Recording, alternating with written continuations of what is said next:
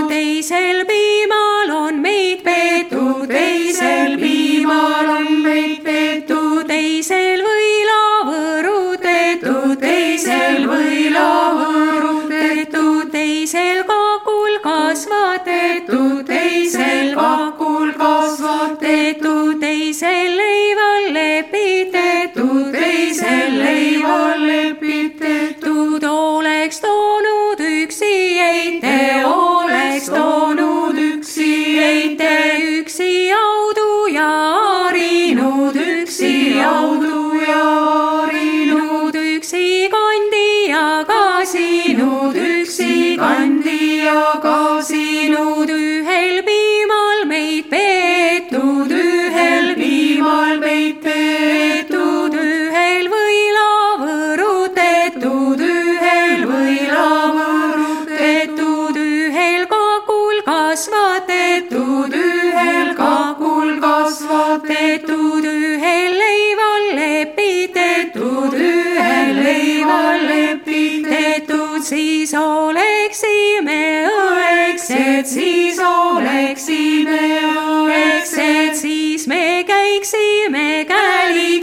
siis me käiksime käliksed, veereksime vennanaised, veereksime vennanaised. kuulsime just ühte väga tähelepanuväärset laulu. tähelepanuväärselt eh, mitmel põhjusel. nimelt ei ole ju saladus, et meie ajalooliste laulude funktsioon ehk kasutus või tarvitusala ajas tasapisi muutub. Järele jäävad ja ajaproovile peavad vastu vaid need laulud, mis kõnetavad kuidagi uue ajastu esindajatki. nii kaovad vaikselt erinevad spetsiifiliste tööde ja tegemistega seotud laulud, kuna keegi enam ei tea päris täpselt, mis on erinevate tööriistade või töötegevuste nimede taga. eks me kompame samamoodi ka tunnete liinil, kui laulame vanu laule. me ei tea ka päris täpselt, mida tundis ju laulik mõnisada aastat tagasi kui ta laulis emast või kui laulis sellest, kuidas ta hääl kõlab.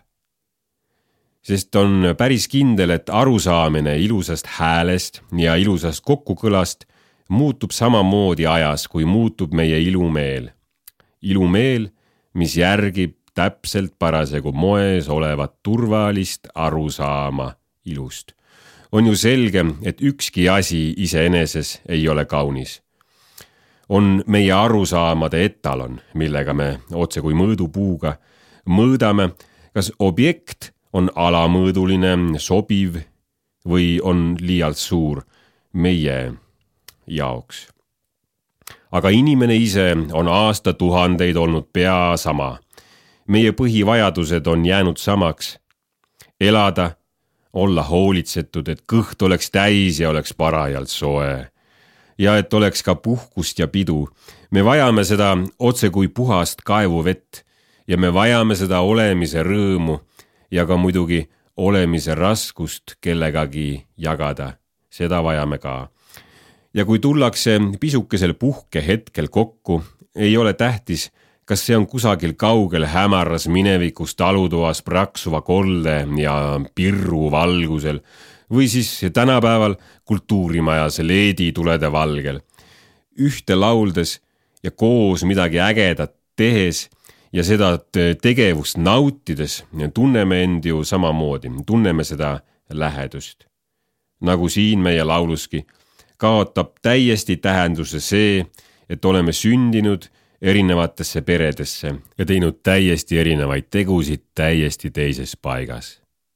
lauldes kaotad ajataju ja kõik ongi otse kui üks suur ruum siin ja praegu ühte lähevad meie healed, ühte healed, ühte meeled, ühte sünnivad südamed, ühte laulud langenevad.